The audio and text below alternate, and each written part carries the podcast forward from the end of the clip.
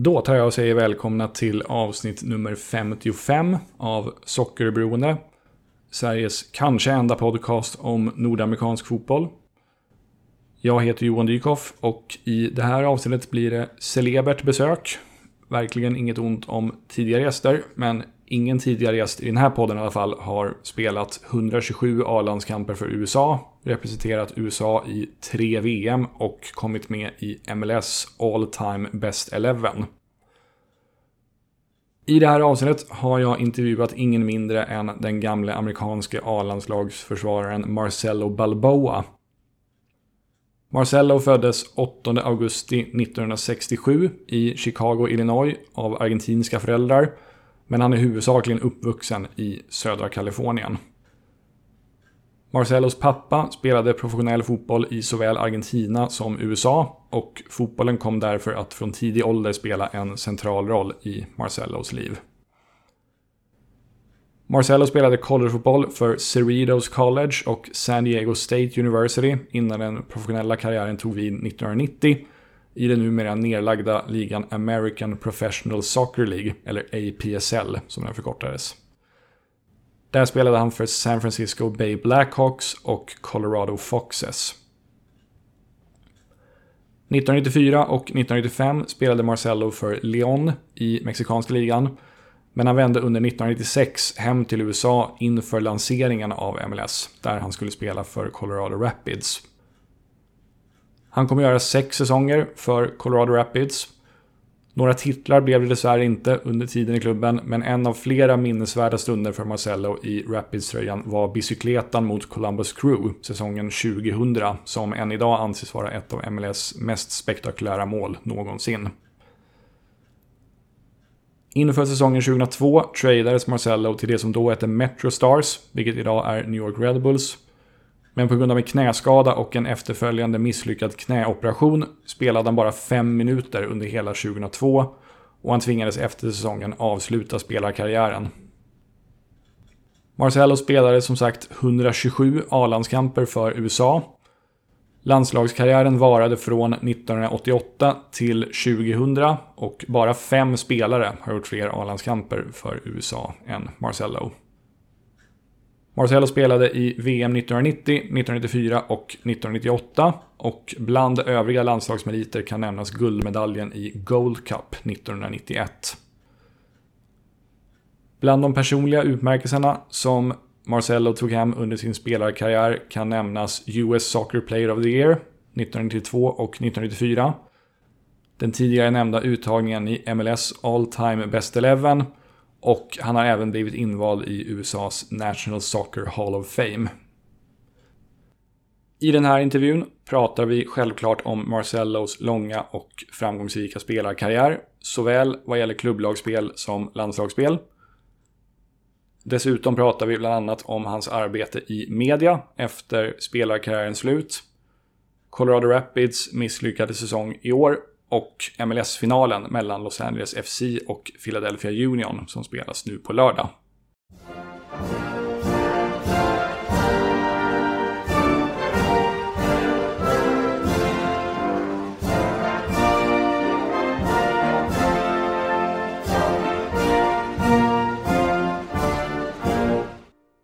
So to start off, as I mentioned, this interview will primarily be about uh, you and the Colorado Rapids. But since this is a soccer podcast based in Sweden, I would like to ask you uh, what comes to mind when you hear the words Swedish soccer. Oh gosh, um, there's so many things. I guess you could you could say, but the first thing that comes to mind is is the yellow and blue jerseys we love the yellow and blue. Um, Anders Limpar because I played with Anders here. Um, God, I'd like to say Ibra, but I'm not going to say Ibra. so, but uh, you know, we don't. There's not much really that we know about S- Swedish soccer here. I think we've seen it on TV. I've played against them before uh, against Sweden, but uh, really didn't know much about it until really Anders Limpar came to the Colorado Rapids, and then you got to realize uh, a little bit more of what it was like by him telling us about the league there and everything. So, but uh, uh, everything I hear, it's a beautiful place to live. Mm. What about the 94 World Cup? Because Sweden were pretty decent in that tournament. Um, God, your goalkeeper played for the Tampa Bay Mutiny. Is um, yeah, Ravelli. Ravelli, yes. Yeah. And uh, you know, um, again, I don't. It was one of those things when you kind of talk about Sweden. It was kind of like you know they made a run. You're like, oh, where'd they come from? You know what I mean? so it was. It's it's it was just one of that. Back when we played, remember, there's no, there was no. uh God, pick any game around the world nowadays from streaming, and you could watch any league in the world, any national team play. Um, so we didn't have a lot because we didn't play them very often, so there wasn't a really a big scouting report about them. We really, I think, like I said, I think we played them one time before the uh, before the um, the '94 World Cup, so we didn't know a lot about them. You had a few players that were key, but it was, you know, again, you don't really find out about them until you have a teammate. And then all of a mm-hmm. sudden you find out more. But uh, I think that uh, Sweden surprised a lot of people in 94. Yeah, for sure. Um, speaking of the 94 World Cup, uh, I know people will rem remember you um, from that tournament. Uh, when you think about that tournament, is there any particular moment that stands out in your memory? Um, you know, I, there's there's a lot of moments only because no one really knew um, how people were going to respond to the World Cup. Um, it's the first time it was in the United States uh, that we had no major sport soccer league in the United States at that point. So um, no one really knew how or what what the outcome was going to be. So when you go back to that, there's a, I mean, some moments you look back and you say, you know, every every every game was sold out, which surprised everybody. I don't think too many people were surprised about the final. Mm. Brazil, Italy. I don't think anybody was too surprised about that. But the fact that it was sold out, um, that it was one of the most watched games in the world at that point, um, the way people embraced soccer in the United States, because at that point, remember 94, it was all about basketball, football, baseball, um, hockey was in there. So to throw in a a sport that not a lot of people here in the United States at that point knew. Because if I remember correctly, the only real soccer that we saw here was that program. There was Soccer Made in Germany mm. on, uh, and I think they played it on Sundays. They showed the highlights and stuff like that. So there wasn't a lot eh, of soccer. Uh, you know, we qualified in 90, but we actually didn't do a great job in the 90 World Cup. So I don't know if, you know, what people were expectations were. So, you know, I think you go back and you look at that was Maradona's pretty much last World Cup. The way he went out was not great. So I think there was a lot of moments you can go back and just kind of pinpoint and say there were some key moments throughout that month that just kind of um, shocked people and, mm-hmm. and surprised people of, you know, us beating Colombia shocked everybody the Maradona scandal surprised everybody. So there was just a lot of little, uh, a little things throughout the month. It just kind of piqued your interest if you were not a soccer person. Right. Um, did you, um, as or perhaps the entire team back then, feel like like um, this is our chance to prove to the world that we actually know a little bit, uh, one or two things about soccer over here? I don't know if we. I think we did that in '90 um, after we lost to uh, Czechoslovakia. Uh, when we came back and lost one nothing to Italy and gave them a pretty good game, um, I think we surprised a lot of people on that day. Only because what happened in the first game, I think people were expecting to see in the second game. They thought that Italy was going to run over us. They thought that Italy was just going to have a field day scoring five, six goals because they were playing against the Americans. So I think on that day it was more of a um, we showed people what we were we, what we were capable of. In '94, I think it was getting to a point to prove to people that we've grown from 90 to 94 and that we've learned and that we were able to win a game and we were able to get out of the group. Mm. I think that was the important part because I think at that point we've already played in some decent tournaments. We we won the Gold Cup. We won a few little things. We played some big international games where we got some decent results. And uh, at that point, it's like, okay, but can they do it from 90 94? Can they do it at home? Can they do it on the biggest stage possible? And uh, can they get out of their group? So I think that uh, the surprise was that no one thought we would beat Colombia. Everybody thought we possibly could beat, you know, Switzerland or we can beat uh, um, Austria mm. at the end. We were one of those two. We should be able to win, or not Austria. That was uh, Italy. That was Romania. Sorry, Romania in '94. So when you looked at that group, you thought, okay, the U.S. could get a win against Switzerland or Romania, and we'll see what happens against Colombia. So um, 94 was about taking all those experiences we've had and collectively being able to put them together and and make sure that we got out of the group because we weren't just playing soccer. We were pr directors. We were uh, social we were doing everything possible throughout the media to promote the game of soccer here in the united states. So um, there was a lot for us at that point going on. So when when we got out of the group, I think we proved everybody that we've grown as a country, we've grown as players, as individual players, and uh, and I think that opened up a lot of doors after the '94 World Cup for us. Yeah, definitely. Um, speaking of World Cups, what are, in your opinion, the reasonable expectations to have on the US in this year's World Cup? You know, I don't know if this group has reasonable expectations. I mean, I mean, you go there to win, right? I mean, is it possible everybody's going to win? No. Um, expectations. So if you set an expectation get out of the group, you get out of the group and you lose, you reached your goal, you set your goal too low.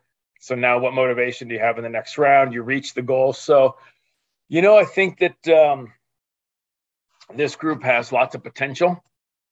Uh, I think it's got some very talented players that are playing in Europe on some big teams. Um, I think I think expectation for me is you know is quarterfinal, semifinal, maybe somewhere mm-hmm. in there. You know, we've already been in the group phase. We've got out of the group. We've made it. Yeah, our normal our normal World Cup run is we get out of the group and we lose the next round. So that expectation's too low now.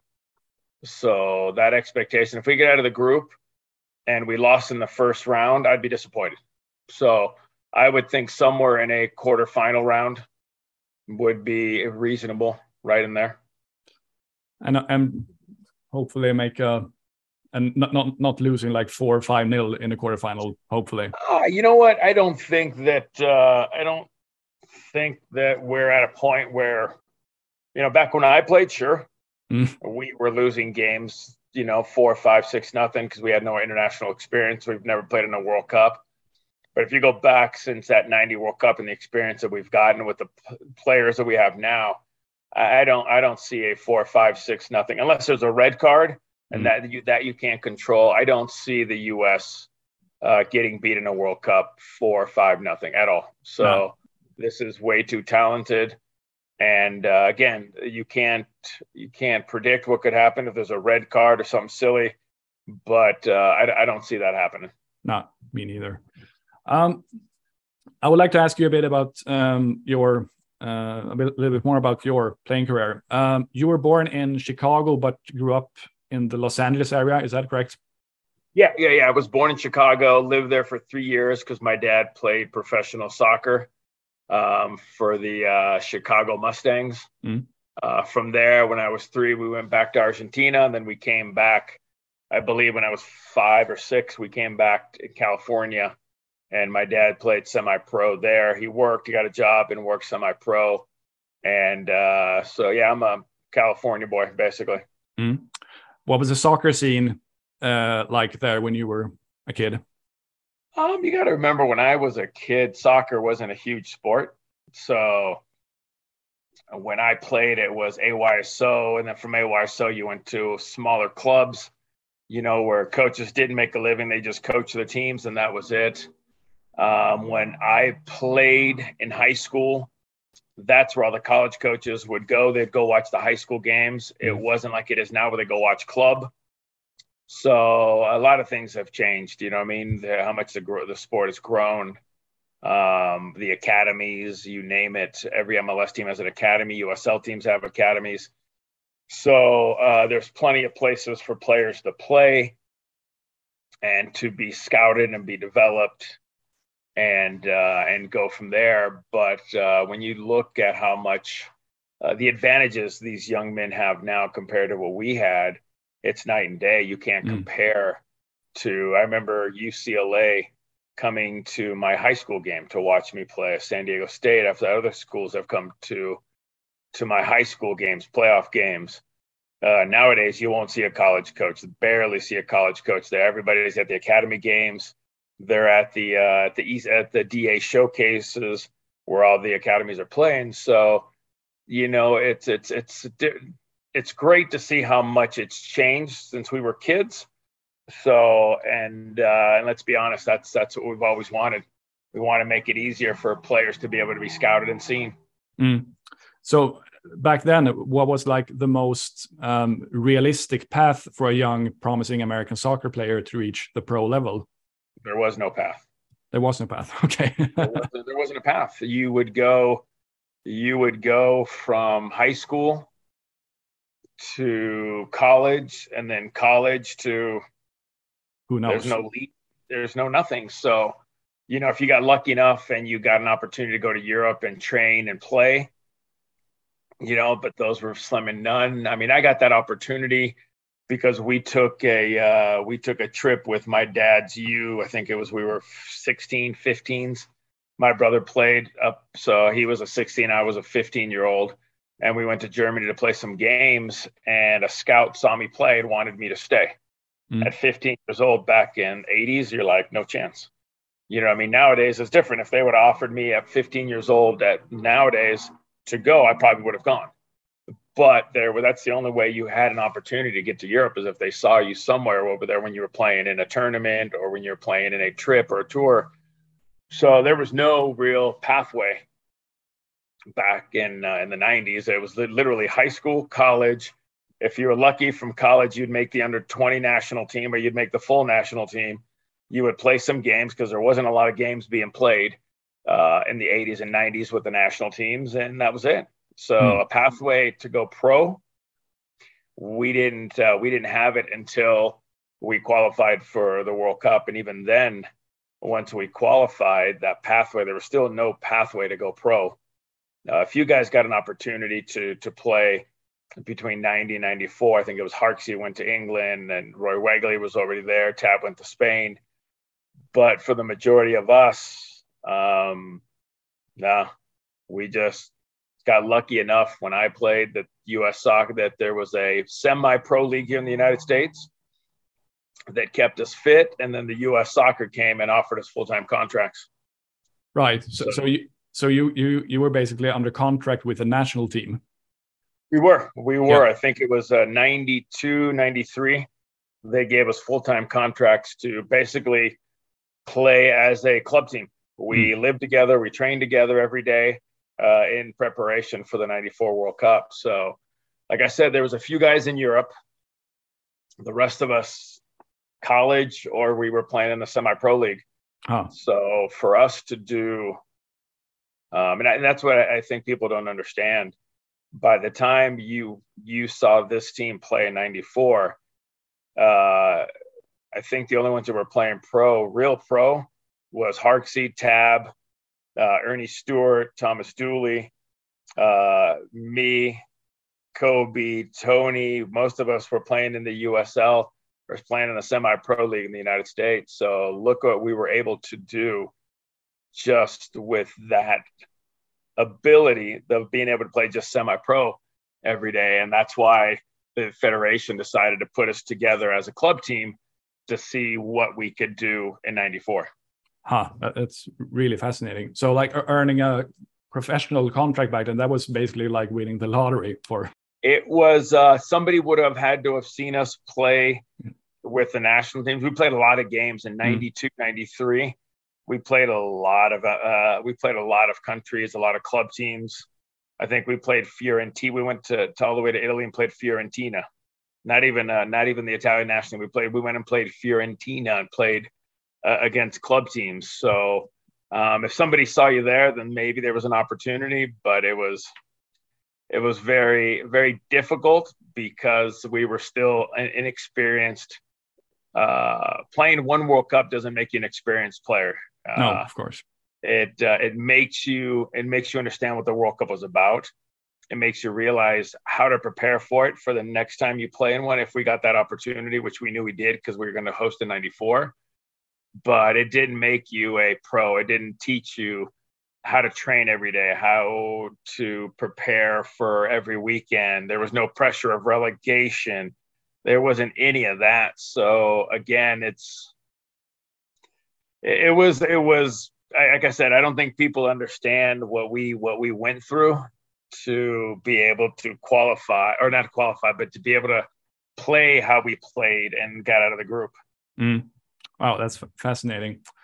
Um, I know you played a couple of years in Mexico before moving to MLS, going into yep. the league's uh, inaugural season in 1996. Yeah. Uh, can you talk a bit about your move to MLS and what your thoughts were at the time joining a brand new professional league? Um, it's it's a weird story because after the World Cup, I went to Greece. Uh, I went and trained with Olympiacos, played a game. They wanted to sign me in Greece, and um, I signed a contract, but they couldn't get rid of. There were four foreigners already. Mm. I would have been the fifth. They were looking to looking to get rid of Amokachi, and uh, Amokachi wanted to leave, but he wanted to be paid all of his money. So I sat there for two weeks, waited, waited, and waited, trained. And finally, US Soccer came to me and asked if uh, Sunil Gulati said that this team in Mexico interested in you. Would you be willing to leave Greece and go to Mexico and try out? I'm like, sure. Yeah, I wasn't going to do anything. I couldn't, I wanted to stay in Greece. Uh, I played in an exhibition game against Red Star and I loved it. Absolutely loved it. But just couldn't they couldn't figure it out in time. So I think it was in a day. The next day I flew to um, Puebla. Yeah, it was at, I went to Puebla, trained there for two days. We never came to an agreement on a contract. So right before I left, uh, I had Bora call me and said, "You got any interest in in going to Leon?" Ruggeri, the center back from Argentina, just left he's not going to play there. So I'm like, sure, whatever. I was already in Mexico. Mm-hmm. I'm like, let's go. So I went there, trained. Um, that same day, they offered me the contract I wanted. So I signed, um, played for a season and a half, was planning on staying in Mexico, but uh, I wanted to stay another year or two. And uh, the opportunity came to go to MLS. Um, wasn't wasn't overly thrilled yet because I was having a good time in Mexico, and uh, my decision was was basically um, uh, when the owner of the Colorado Rapids, Phil Anschutz, calls me in Mexico, and I was with Sunil Gulati. Sunil Gulati says someone wants to talk to you. I'm like, whatever, okay, because I wasn't sold on coming back to MLS yet. Mm. Um, so when he gets on the phone, he tells me this is uh, this is Phil Anschutz. This is the owner. And remember, this was a hotel phone. There was no cell phones. There was no. This is the call the operator. The operator makes a call to the United States. United States calls. You know what I mean? So um, I get on the phone and it's they put it on speakerphone and he's like, "This is the owner of the Rapids, Phil Anschutz." there was no Google. I didn't know who Phil Anschutz was. You know what I mean? At the time, I've been in Mexico for a year and a half. I didn't know who Phil was. Uh, I figured out who Phil was eventually when I got home and got near a computer. But uh, he um, he said a few things that uh, that just made it very clear how much passion he had for this league the vision he had for that team he wanted to build in Colorado. And anytime an owner says that he wants to he wanted he wanted the guy that did that funny overhead kick in the World Cup on his team. You know what I mean? You just kind of he was he wasn't he was real. He was honest. And uh and as soon as I finished talking to him, I basically knew that I was going back to MLS. Well, I was going to help I was going to go back and start MLS and be mm-hmm. with Colorado.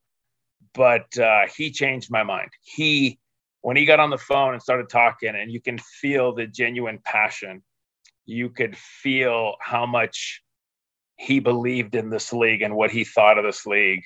It made it very easy for me to make a decision to to come back and play in MLS. Mm. So, could you actually choose the Colorado Rapids, or was your was your only choice if you wanted to play in MLS to go to the Rapids? No, I played for the Colorado Foxes in the mm. uh, in the I think it was APSL at the time, the American Professional League. So I've already been here. I played here. I kind of knew that uh, this was kind of my. I had I had three choices, and uh, you had to put them by order. Mm. So and uh, Colorado was my first choice. Uh, lifestyle I like the mountains. Um, not a lot of traffic. So that was my first choice.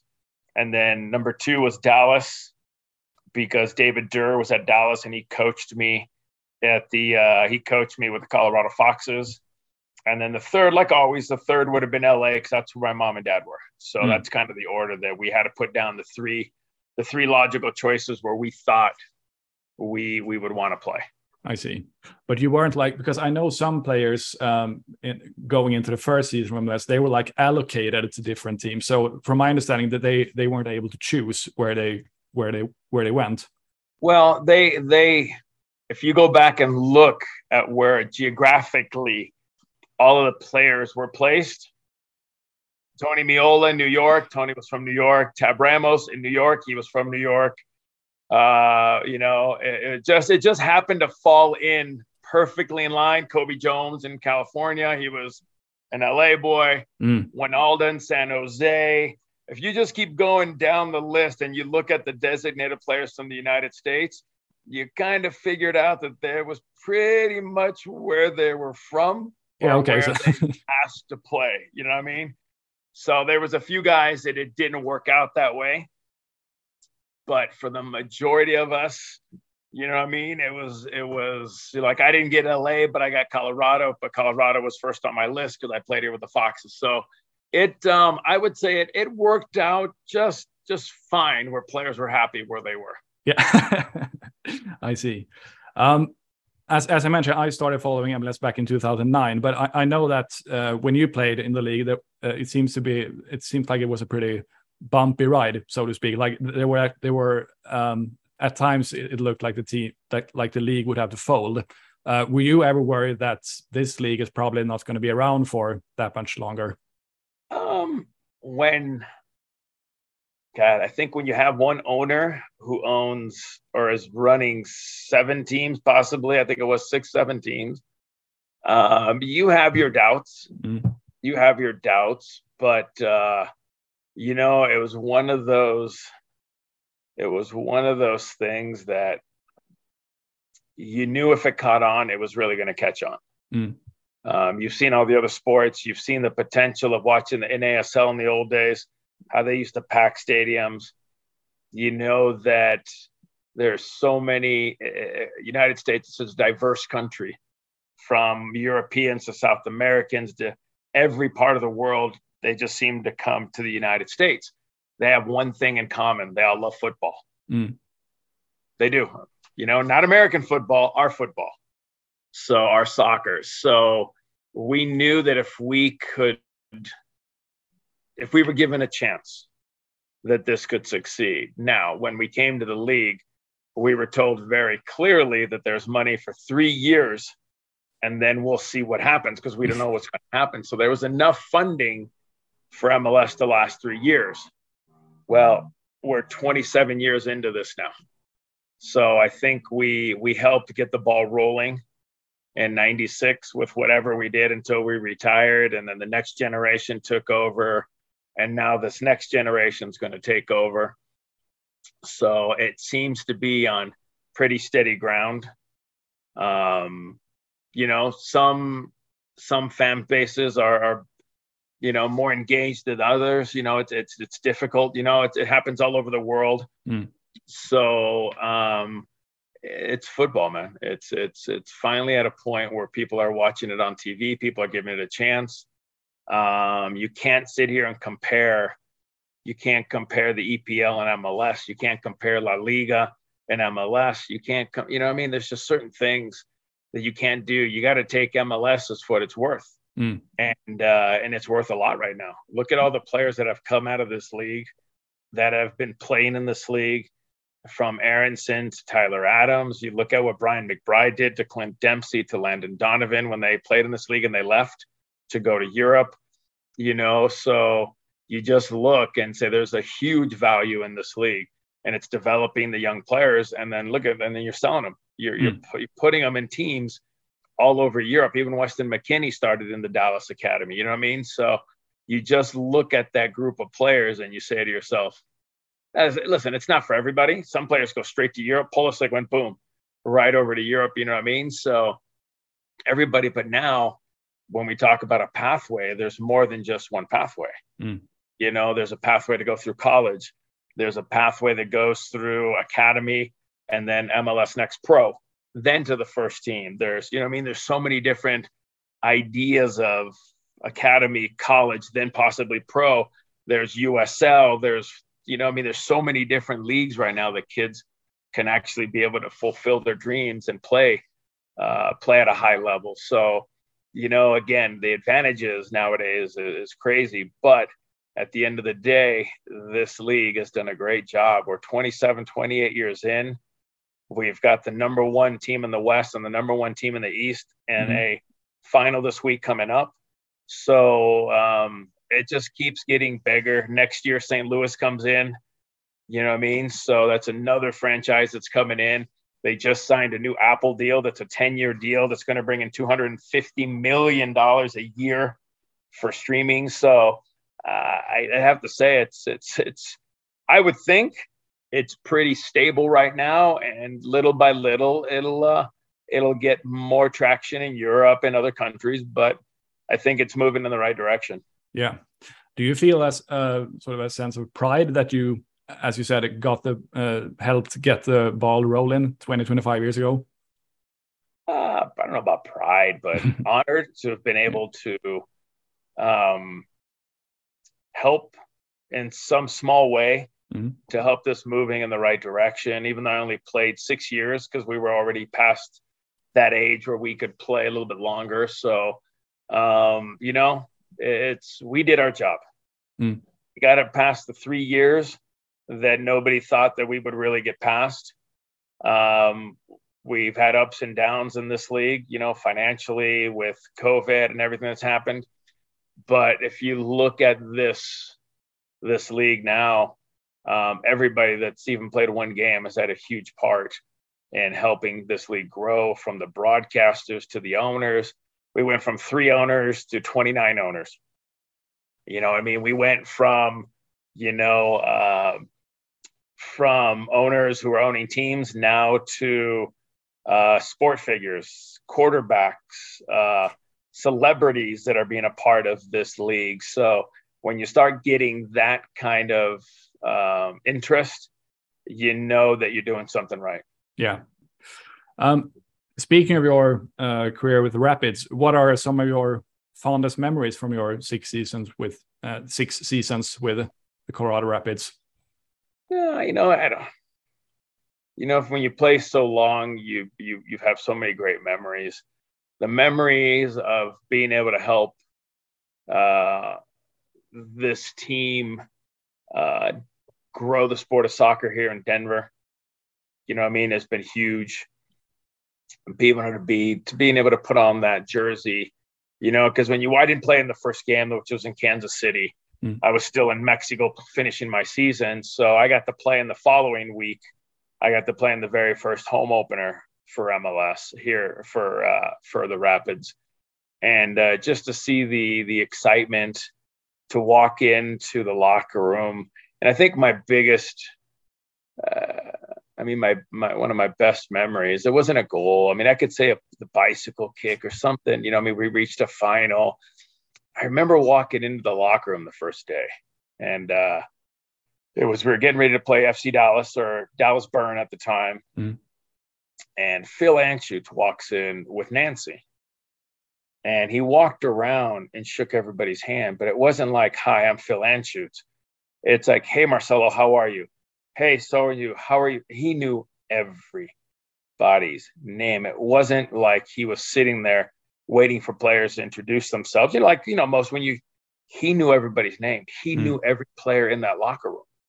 And when you had an owner like that, that's a, that's a pretty cool memory to have because not a lot of owners at that point. I can guarantee there wasn't a lot. There's only three at the time, but I, I can guarantee you that a lot of owners now don't know every single player's name. Phil knew everybody's name. Phil mm. knew as he walked around, he knew everybody's name. And we were laughing because somebody said, "Well, there are probably name tags up there." Um, this was '96. I don't think we could afford the name tags above the lockers. You know, I mean, it wasn't it wasn't one of those where you know everybody's name is up there. So you know, and when it is up there, it says Balboa, not Marcelo. Mm-hmm. And he introduced, hey, Marcelo, I'm so and so. I'm like, oh my God. I'm like, so, you know what I mean? There's just little things like that that were that were cool.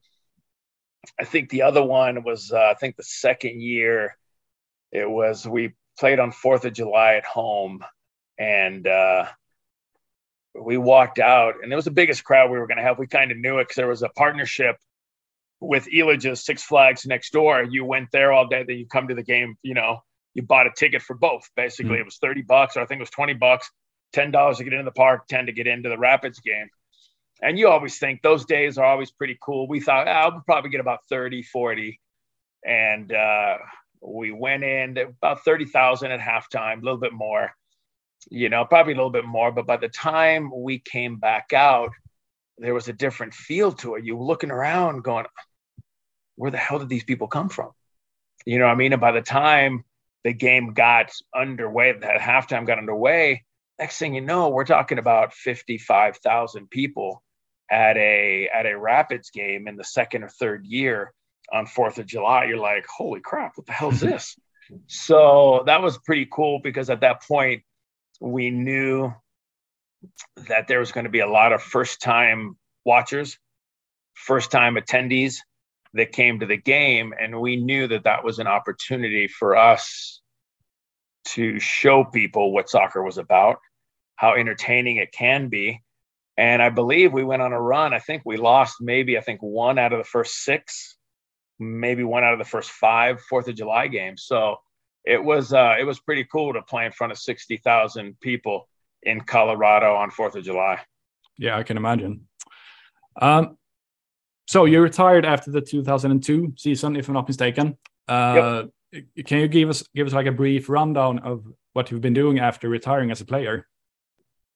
Well, it wasn't a retirement on purpose. It was a mm. retirement because the doctor effed up on my knee and screwed up the surgery that he was supposed to do. That was only a meniscus tear. So I went to New York. They had have to have another surgery because the doctor here in Colorado did a crappy job didn't do the right surgery, gave me a bone bruise that kept me out for almost a full year. So it wasn't a retirement where I said, okay, on my choice, I'm going to retire. Mm. I had to retire because the doctor was a piece of you know what, and he screwed up the surgery and he never admitted it. He just, oh, no, that's normal. Yeah, mm. okay. A meniscus tear takes three weeks to four weeks, max five. I was out nine months. So, but uh, when I retired, um, I decided that I was just going to relax for a little bit and um, the league came up to me and, and you know Mark Cuban, the Dallas mm-hmm. Mavericks owner, he was owning he owned a company called HDNet. It was the first high definition company that was in the U.S. that was going to do soccer games in all high def, and uh, it was like about a three weeks before the season started, and they approached me from HDNet to broadcast the game. You know, if I wanted to broadcast, I told them, nah, I mm. just at that point, I was so still upset how I retired because the retirement when you retire, you want to go out on your own. You don't want to go out on a on a missed screwed up surgery from a doctor who basically ended my career, which I think I could have played probably another year or two, mm. and I would have been okay because I was still pretty young, 33, I think I was. So I was still kind of just grumpy and just kind of blah. And uh, finally, it was like a week or two before, like a week before. He's like, "Why don't you just do the first game? It's in Colorado," and I think that's what helped. Mm. It was in Colorado. I'm like, fine. I'm already here. You know what I mean? I'll I'll I'll do. I'll see what I can do. You know what I mean? So um, I show up, and uh, no clue. Okay, Mm. never been on a broadcast, but I've been interviewed before. You put on the headset, and you do your thing, and. Uh, I'm laughing because I'm trying to figure out what's going on. You know, they're they're doing their stuff and the game's getting ready to start. And right before the game, they take us up to the booth because I think it was Glenn Davis, who was my partner, was doing all the other stuff because he's been a he's been a broadcaster for years. So he was doing the majority of the work. I was just like, yes, no, okay, let's, you know. so I get up to the booth and the guy, the kids, that's your headset. He goes, if you have to cough, go push the red button. That's cough. So you don't cough on air. He goes, if you want to talk to me, push the talk back. He goes, from there, just do your thing.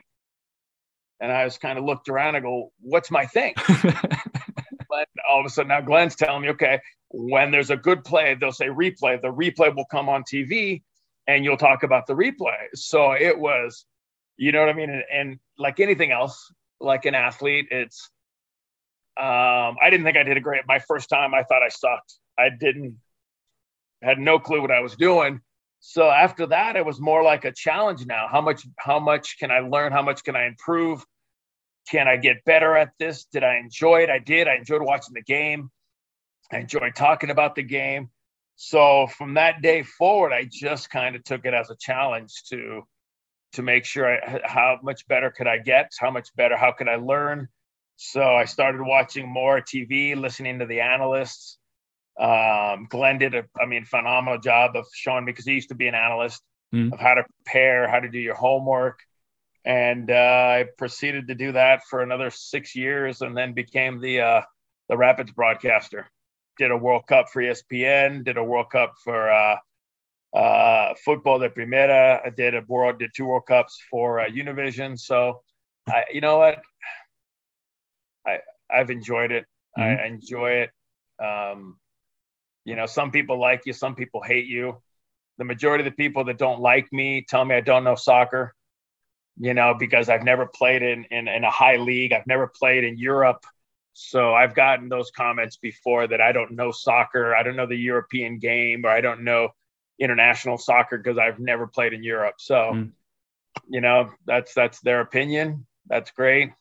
I think after playing three World Cups, 120 something odd games, playing in Mexico, Greece, the United States, I think I have a little bit of knowledge of what soccer is. I coach still, coach at the high level in the academy. So, you know, it's it's it's kind of fun to get the uh, the criticism sometimes of people just I didn't play in the EPL, so I don't know soccer. Okay, okay with that.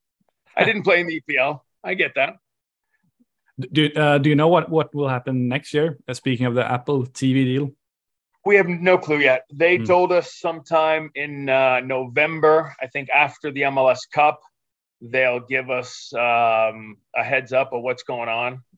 So, you know, I'm, I'm fortunate enough that I'm bilingual, so I can speak Spanish and English.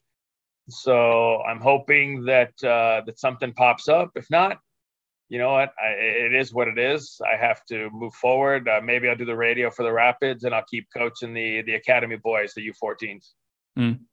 Fingers crossed that you'll that they'll keep you around because I think you do such a great job. I appreciate that. Thank you. Um, before we wrap things up, I, I would like to ask you a little bit about the Rapids of this year as well. Um, they had a really good last year, but this season was far worse. Um, What do you think went wrong for the Rapids this season? Um, you know, it's hard to, to say what went wrong.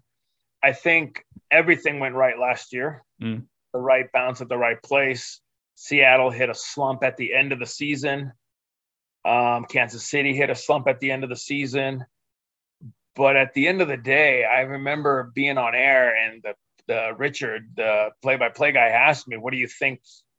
And like a dumb shit, I said, Lose. I said, Lose. I go, don't take first place because first place in the West last year would have given you 22 days off. I said, we we had too good of a team and we were too good of a role at the end of the season to have 22 days off. Being an ex player, you know when you go a week, 10 days, you don't have those competitive games, the engine shuts off. It's mm-hmm. just normal. And uh and I sat there saying, "Don't win," and I said it two or three times: lose, lose on purpose. Don't take first place in the West so you don't get a bye. They got a bye. They got 22 days off, I believe. They came back and played against Minnesota, and you can see the big difference mm. of what a team was when they were in form and a team that was trying to find a way to get back their energy. So, um, the biggest differences, I think, this year, um, when you lose Sammy Vines, a left back, that's tough. You you know you lose Shinny Shiki, you lose Kellyn Acosta, you lose Mark Anthony Kaye. You just started losing players that were key players last year. So that that made it more difficult. You lose Cole Bassett, who did a great, who came off the bench quite a bit, started quite a few games. So when you start looking at that, it doesn't help that Jack Price this year was out the majority of the year from an injury. So little things like that, back line, Lalas and Danny didn't have a great year. They got exposed quite a bit, gave up goals that they didn't give up last year. So mm. You're talking about a lot of new positions. You know, it helped out when they were able to finally get Gyasi Zardes, who came in and scored, I believe he had 10, 11 goals by the time he was done with us. Rubio had a fantastic season, but the back line was the biggest downfall. They mm. gave up more goals this year and in crucial moments and in crucial times that they didn't get punished for last year. So, you know, and I think that was probably one of the biggest reasons how and why they didn't make the playoffs. Are they going to have to revamp? Yeah. they they're going to have to go out and find a better center back. And no disrespect, but that team needs a, a leader back there because you can't. I don't know a lot of teams. You, you've got to have three solid center backs in order to play three in the back. You know mm-hmm. what I mm-hmm. mean? And uh, and I think this team is suited more. And I think watching them play, and I think they would agree, you can put a few more offensive minded players on the field if you're playing in a 4-2-3-1 or a 4-3-3. So I think when you look at that, you'll probably end up seeing another center back, maybe a left back, because Lucas is on loan. I think a right back, you're solid as hell because with Keegan Rosenberry, with Yarbrough and goal, you're fine. So mm. is it two new center backs? Is a center back and Vallecillas or Lalas or a center back and Danny Wilson? In the midfield, if Jack Price is healthy, then you've got Jack Price, you've got uh, you've got uh, Gutierrez, who's a young guy, another guy who came in. You have Bryan Acosta, who's in there. You have Rubio playing as the false 10 with Lewis, Zardes, and Nicholson. Mm. So it's not a bad team building for next year, but you've got to you've got to resign Zardes. You've got to see if you're going to keep Lucas as a left back. You've got to re-sign Lalas Abubakar or not sign him and find another center back. So there's a lot of decisions, I think, in the off season that's going to they're going to be crucial to this team. Yeah. Um, the Rapids they aren't and have never been like one of the big spending teams in MLS, uh, which doesn't necessarily mean that you can't have success. Just look at the Union, for instance. Uh, but do you think the Rapids should continue on this route of signing cheaper and more like under the radar type of players? Listen, I think that who's ever in charge at this time, Pádraig's got to do what uh, what he feels is important to the group and to rebuild it it's tough because when you look at 2021, and you know, I forgot we lost uh, Trusty. Mm. Trusty went to to Arsenal, and then he got loaned out.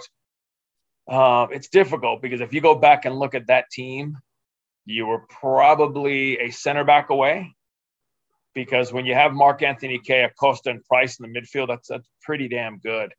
If you were able to bring in Gyasi Zardes with those three and bring in Jonathan Lewis and Barrios or Sam Nicholson, now your top six, the top six look pretty damn scary mm. in this league.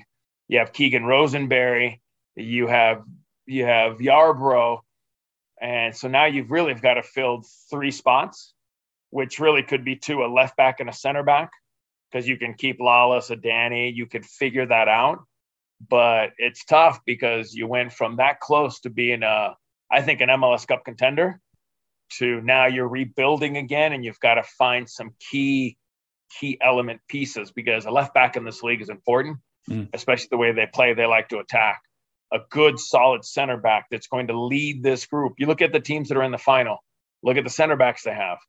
You know, when you're talking about Chiellini, you're talking about uh, Elliott in the back there and Glesnes. They're, they're pretty solid players. Mm. So I think that uh, that's how close they were in 2001. I think to to being right there. Right. We're we're pro- probably not going to see like Insigne type of players going to the no, Rapids. No, no, no, no, no. Listen, that's not that's not everybody. Everybody builds their team um, the way they see fit. There's no right or there's no wrong mm-hmm. because mm if you go by Philadelphia, you know, I mean, they're not one of the they're, they don't they don't have a huge budget either, but they're still up there. Yeah. You know, when you look at what LAFC's done, they've they've went out and they've secured good, solid, quality players. And uh, so there's there's a bunch of different ways to approach how you want to build your team. The only thing is, I think what fans look for is consistency. Mm. They don't want to be in the playoffs one year and then be out two years and then be back one year. You know what I mean? They want consistency. They want to fight for a playoff spot every year you know, to not see Seattle or Portland in the playoffs this year is weird. Let's be honest. Mm. We're so used to being them, but think about it. We're complaining. I think they've made it 11 years and they've made didn't make it once. And the same with Sporting Kansas City. They've only missed the playoffs twice in their history, and their fans are complaining because mm. they're used to success. So I think that's what everybody strives for. The, that eight, nine, ten years in a row where you're making the MLS Cup playoffs and you're fighting for a championship. Mm. Um, final question. And speaking of LAFC and the Philadelphia Union, who do you think will win on Saturday? Ooh. That's a tough one. I think they both ended the season with 67 points. They both, I think one had 19 wins, the other one had 21. I think it was somewhere in there. That's the only difference why they won Supporters Shield. So I mean, listen, you always, we said this last year, you have to give Portland the advantage because they're playing at home, and look what happened. They lost in PKs. So, um, again, I think you have to give the advantage to LAFC, but it's a very, very small advantage. Mm. And if LFC may, LAFC makes one mistake, that advantage is gone. It's going to be an even game. The advantage they have is that that stadium will be loud as hell. It will be rocking. It will be pushing that group to go forward. And when a group that big is pushing your team and encouraging them to go forward, there always seems to be a little bit of gap behind that team because they're pushing so hard to get the goal. And in transition, Philadelphia is very good in transition playing. So again, I think the the advantage they have is they're playing at home, but it's a small advantage right now. That's how close this MLS Cup could be. Yeah, I agree. Uh, I'll be rooting. I think I'll be rooting for the Union because they are the underdogs. But I, I, I think the LAFC really? are really they're an underdog. Yeah, 67, 67 points, same as LAFC. Uh, being being the away team and all, so uh, yeah, but, it, but it's gonna be close. Yeah, yeah, it'll be a good game. Let's hope.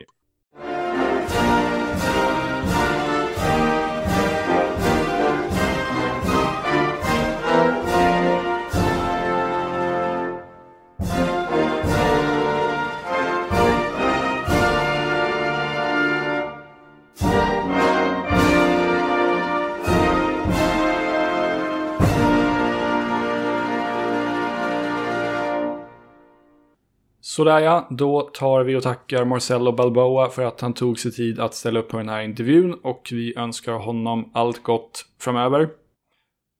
Väldigt, väldigt kul att få chansen att prata med en sån ikon inom amerikansk fotboll och dessutom, som ni märkte, är han väldigt kunnig eh, efter att ha arbetat med MLS-sändningar i ungefär 20 år. Vem vet, kanske kan det dyka upp fler gäster med lika imponerande CVn framöver här i sockerberoende. Tack så mycket för att ni har lyssnat. Prenumerera gärna på podden så att ni inte missar kommande avsnitt. Ta hand om er så länge så hörs vi igen framöver. Ciao, ciao!